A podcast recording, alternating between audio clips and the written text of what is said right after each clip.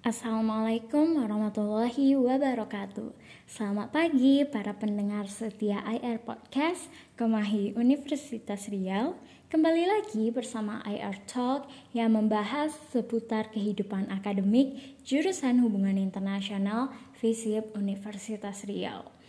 Kenalin dulu, aku Anissa Siti Nur Hasana dari HI 20 akan membawakan acara IR Talk ini untuk satu tahun ke depan. Nah, buat teman-teman pendengar setia IR Podcast, jangan bosan ya buat dengerin suara aku. Oke, langsung aja kita ke episode kali ini, di mana kita kedatangan narasumber cantik yang mana juga mahasiswi hubungan internasional angkatan 2018. Kakak ini sebelumnya juga menjabat sebagai demisioner Komahi yaitu divisi ISEC. Nah, sekarang kakak ini lagi aktif nih dalam kegiatan sosial dan juga pendidikan yang mana memberikan kontribusi untuk anak-anak dan juga masyarakat dalam sebuah organisasi non pemerintah yaitu IS Indonesia. Oke, kalau gitu langsung aja kita sapa. Halo Kak Ami. Hai Anissa. Oke, halo semuanya, teman-teman juga. Terima kasih khususnya kepada teman-teman Komahi dari ICO yang udah menyelenggarakan podcast EL Talk ini. Dan hari ini juga terima kasih kepada teman-teman yang udah dengerin podcast ER Talk dari teman-teman Komahi dan kenalin eh, nama kakak atau nama saya itu Ami Jescia, tadi udah dikenalin sama Anissa, dan saat ini sedang menjabat sebagai Executive Director di IS Indonesia. Nah, Kak Ami sendiri kan udah aktif nih di IS Indonesia. Jadi, Kak, sebenarnya apa sih IS Indonesia itu? Oke, jadi IS Indonesia itu kalau kita ber, baliklah sebelum IS Indonesia sampai pada hari ini. Jadi IS Indonesia itu merupakan hasil dari action plan program Indonesia sendiri mengirimkan delegasi kepada International Youth Peace Ambassador di Nepal di tahun 2014. Jadi ada beberapa pemuda dan salah satunya adalah founder kita itu dari AS Indonesia yang merupakan bagian dari terbentuknya AS Indonesia ini. Jadi kalau berbicara AS Indonesia ini, AS Indonesia ini sebagai wadah pergerakan untuk pemuda maupun pemudi Indonesia yang peduli nih terhadap isu pendidikan di daerah 3T, tertinggal, terluar, dan terdepan, dan juga bagaimana kita bisa menginspirasi masyarakat untuk berperan aktif terhadap isu-isu tidak hanya pendidikan, tapi isu sosial lainnya, mungkin seperti juga lingkungan gitu. Sangat luar biasa ya Kak, eh, bisa melakukan kegiatan sosial di IS Indonesia. Jadi sebenarnya um, di Action Plan program dari delegasi Indonesia pada Youth Fest, Nepal menjadi cikal bakal terbentuknya IS Indonesia ya kak. Dan tadi sempat disebutkan bahwa pendidikan, sosial, dan lingkungan menjadi fokus utama dari IS Indonesia. Nah kak, untuk itu, apa aja sih program yang ada di IS Indonesia ini? Oke, kalau berbicara program-program IS Indonesia yang utama itu adalah karena kita tadi di awal kakak sampaikan bahwa bergerak di bidang isu pendidikan daerah 3T, maka program utama kita itu kita panggil dengan IS mengajar.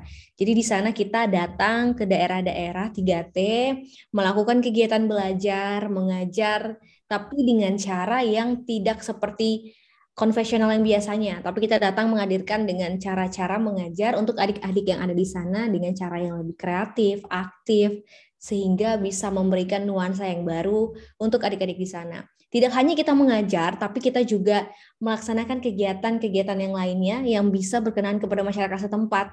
Misalnya kita melaksanakan kegiatan ada cek kesehatan, lalu selain itu kita juga ada observasi untuk melihat bagaimana kondisi masyarakat saat itu.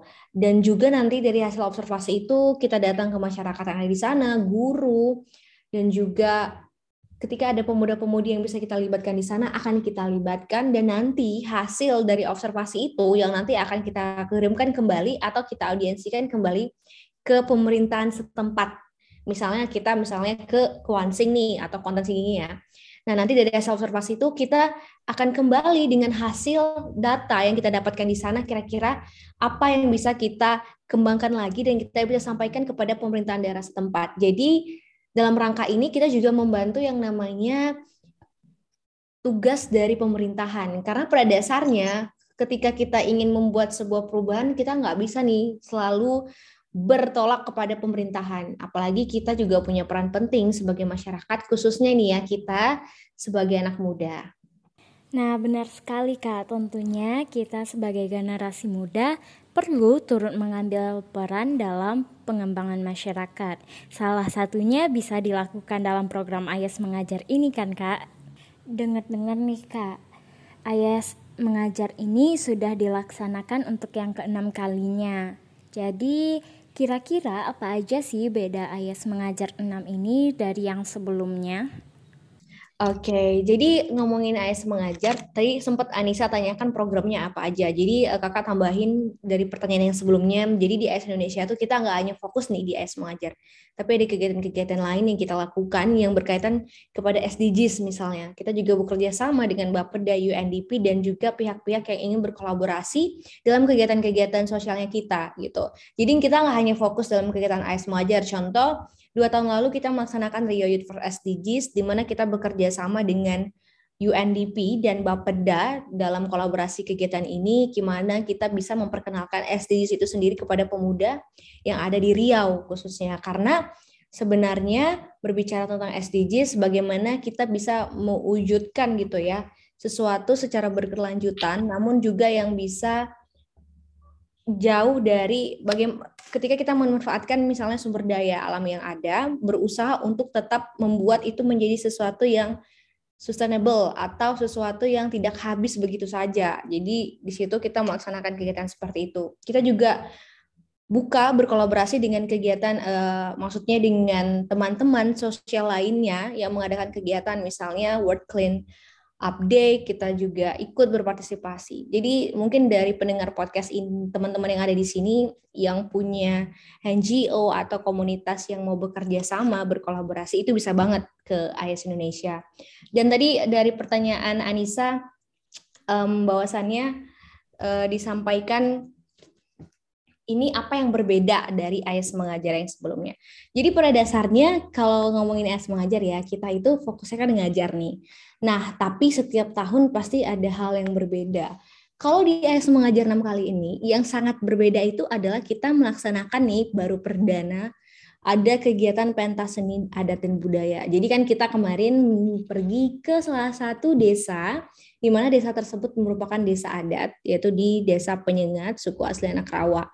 Jadi dengan um, budaya yang ada di sana dan juga kita melibatkan adik-adik. Nah, tidak hanya adik-adik yang ada di desa penyengatnya, juga kita libatkan adik-adik yang ada di Tanjung Mungkal. Kalau naik um, kapal, eh perahu gitu ya, bukan perahu deh, pompong lah bahasa daerahnya, itu makan waktu dua jaman. Jadi mereka kita undang juga untuk mengisi kegiatan pentas seni dan adat yang ada di sana. Jadi juga itu sih yang paling membedakan um, AIS mengajar dari 1 sampai 6. Dan yang paling membedakan adalah kita harus menyesuaikan bagaimana um, adik-adik yang ada di sana itu. Karena cara yang kita lakukan itu nggak bisa sama. Misalnya di Kampar berbeda dengan adik-adik yang ada di Kuansing, berbeda dengan adik-adik yang ada di Pelelawan seperti itu. Jadi perlunya memang dia Nisa sebelum kita turun ke lapangan kita harus survei dulu nih seperti apa kondisinya, mencari tahu. Jadi e, metode yang kita bawakan nanti pas di hari H bisa diterima sama adik-adik yang ada di sana. Oke Kak, jadi pada AYES mengajar 6 ini ditambah dengan inovasi adanya pentas seni yang melibatkan anak-anak di sana ya Kak. Dan Tentunya tadi sempat disebutkan juga oleh Kak Ami, di setiap daerah yang berbeda tentunya perlu pendekatan yang berbeda pula. Jadi untuk mencapai daerah yang dituju Kak, apa aja nih rintangan yang dihadapi oleh tim Ayas mengajar ini Kak? Oke, okay, kalau ngomongin rintangan yang paling sulit itu ketika misalnya kita mau sampai ke lokasi yang kita inginkan gitu. Um, mobilisasi ke wilayah yang mau kita datangin tersebut tidak mudah. Maka kita bekerja sama dengan komunitas Land Rover dan Pekanbaru Forward Adventure yang membantu kita untuk masuk ke daerah tersebut. Nah, memang kemarin di AIS Mengajak 6 kebetulan kita untuk mobilisasinya tidak begitu sulit gitu. Dan biasanya memang AIS Mengajar pertama sampai kelima kita ada di daerah-daerah yang um, untuk dari segi mobilisasi ya jalan itu sulit. Nah, tantangannya itu ketika kita mau tantangan yang menurut kakak pribadi yang besar itu ketika kita mulai survei. Kita harus menemukan kira-kira um, titik lokasi sebelum kita ke sana. Kita sebisa mungkin mencari informasi jalan yang ditempuh mana jalan yang paling baik misalnya untuk dilewati seperti itu. Karena kan kita juga nggak ke, kebetulan di IS Indonesia itu juga isinya anak muda gitu. Tentu nggak bisa dong anak muda ini sendirian, maka kita perlu uh, bapak ibu yang tahu gitu untuk mobilisasi ke sana. Kira-kira seperti apa nanti tantangan yang akan dihadapi. Kalau misalnya dari pra hingga pasca, tahap pra itu adalah tahap yang menurut kakak banyak dengan perubahan. Bahkan di hari H pun saat kita datang ke lokasi, bisa banyak perubahan yang kita hadapi dan bisa jadi teknik-teknik yang kita buat sistem belajarnya itu bisa kita rubah di tempat karena melihat dan memperhatikan ternyata saat kita survei ada saja masih hal yang belum kita temukan dan harus kita ganti gitu konsepnya pas hari H. Itu sih tantangan yang selalu aja ada selama proses ASM mengajar. Ya, yang pastinya nggak bisa langsung mulus gitu ya Kak, pasti ya. banyak rintangan yang mesti dihadapi. Nah, untuk uh, pengalaman sendiri nih Kak, ada nggak kayak momen menarik gitu dari Ayas mengajar enam ini Kak? Oke, okay. untuk momen itu menarik itu semua Ayas mengajar itu pasti ada momennya masing-masing. Kalau ditanya Ayas mengajar enam, sebenarnya momennya karena setiap kali kita pergi ya ke daerah-daerah yang tidak kita tinggali gitu ya nih, ketika kita datang ke daerah-daerah baru, pasti ada hal ada aja hal yang kita bakal wow begini ya ternyata. Oh begini ya ternyata. Dan itu hal-hal tersebut yang kita dapatkan itu yang bisa merubah diri kita bahkan gitu. Contoh kalau di AS Mojar 6 ya, apa hal yang paling tidak terlupakan itu adalah di desa yang kita datangi, itu adalah desa yang beragam akan agama. Jadi bahkan di satu rumah itu ada yang memiliki uh, enam agama dalam satu keluarga. Jadi di situ terlihat bahwa misalnya bahwa kita bisa menangkap nih um, ketika ada pun satu keluarga yang memiliki agama yang berbeda, mereka bisa damai gitu. Kalau misalnya kita sering kali ngelihat kenapa susah damai karena banyak perbedaan dan segala macam, tapi lagi-lagi yang harus kita sadari bahwasannya tidak semua orang merasa bahwasannya perbedaan itu akan menjadi suatu hal yang menimbulkan konflik gitu. Kakak melihat bahwasannya di sana itu beraneka ragam dari agama ya yang uh, pasti ada Konghucu, ada agama Kristen, ada yang juga Islam. Jadi di sana itu bisa dikatakan meskipun variasinya agamanya terlihat jelas, tapi tidak menjadi masalah untuk mereka sendiri. Dan juga di sana kita melihat bagaimana mereka masih mem memiliki ya yang ibaratnya hal-hal yang mungkin nggak kita lakukan di tempat kita masing-masing kayak Rizky misalnya ada di Pekanbaru atau Anissa ada di Pekanbaru atau mungkin teman-teman komah yang lain ada di mana pun gitu itu hal yang tidak bisa kita rasakan gitu. Misalnya ketika mereka bermain membuat jejaring untuk menangkap ikan gitu. Mereka bisa membuat sendiri loh.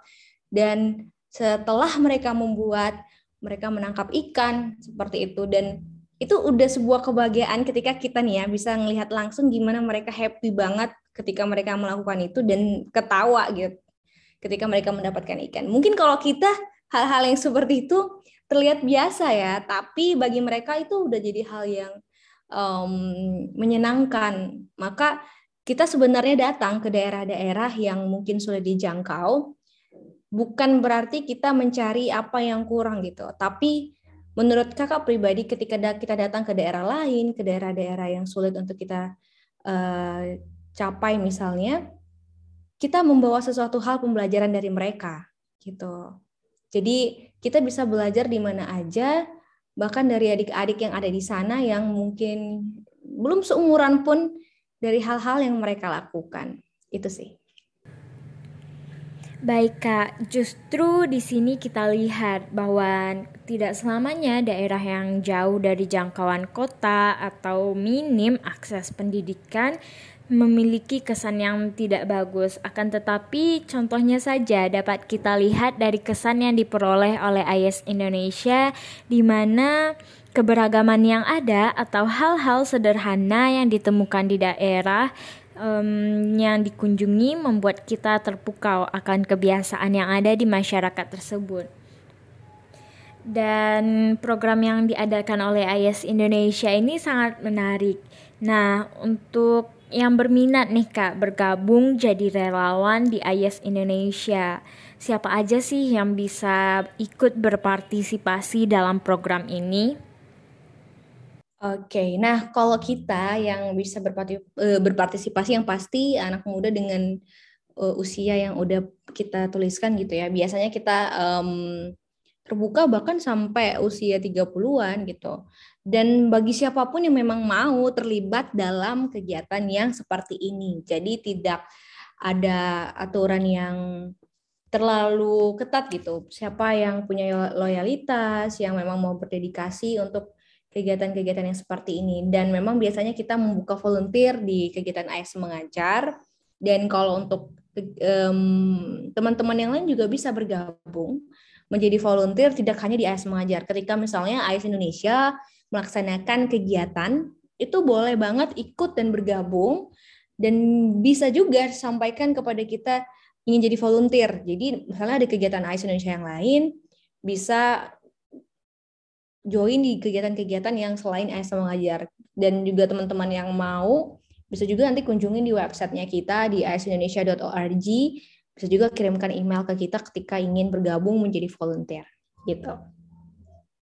Nah, mudah sekali ternyata buat bergabung di IAS Indonesia ya Kak, apalagi dalam program um, IAS mengajar. Nah, kalau untuk join jadi anggota tetap dari IS Indonesia sendiri apakah juga bisa Kak bagi mereka-mereka yang memiliki semangat tinggi untuk uh, membangun Indonesia Kak? Oke, nah kalau IS Indonesia itu kita tidak pernah buka, saya bukan nggak pernah, pernah sekali berapa uh, buka untuk pengurus. Jadi kalau di IS Indonesia kita dipanggil IBS tim pengurusnya. Nah kita selalu mengambil pengurus itu dari volunteer dulu. Jadi nggak ada langsung misalnya kalau kita di Komahi kan kita nih um, ada daftar kan gitu lalu pilih divisi. Nah, kalau di AS Indonesia sistem kita tidak seperti itu. Jadi nanti dari uh, volunteer lalu dari teman-teman IBS ketika melihat ada potensi nih dari misalnya teman-teman volunteer yang bergabung, kita lihat biasanya dalam jangka waktu empat bulan atau tiga bulan. Di situ kita akan menawarkan untuk bergabung ke dalam pengurusnya AS Indonesia. Jadi melihat dulu seperti apa, bagaimana kontribusinya. Nah, nanti di situlah bisa bergabung di tim IBS-nya, AS Indonesia. Oke Kak, jadi kepengurusan yang dibutuhkan AYES biasanya dipilih dari teman-teman yang sebelumnya sudah pernah ikut volunteer dari program AYES ya Kak. Dan untuk itu buat teman-teman yang tertarik bergabung di IS Indonesia ini, alangkah lebih baiknya memulai dulu dari mencoba menjadi volunteer di program IS Indonesia. Dan untuk yang terakhir nih Kak, ada nggak pesan dan motivasi untuk para pendengar IR Talk mengenai program ini?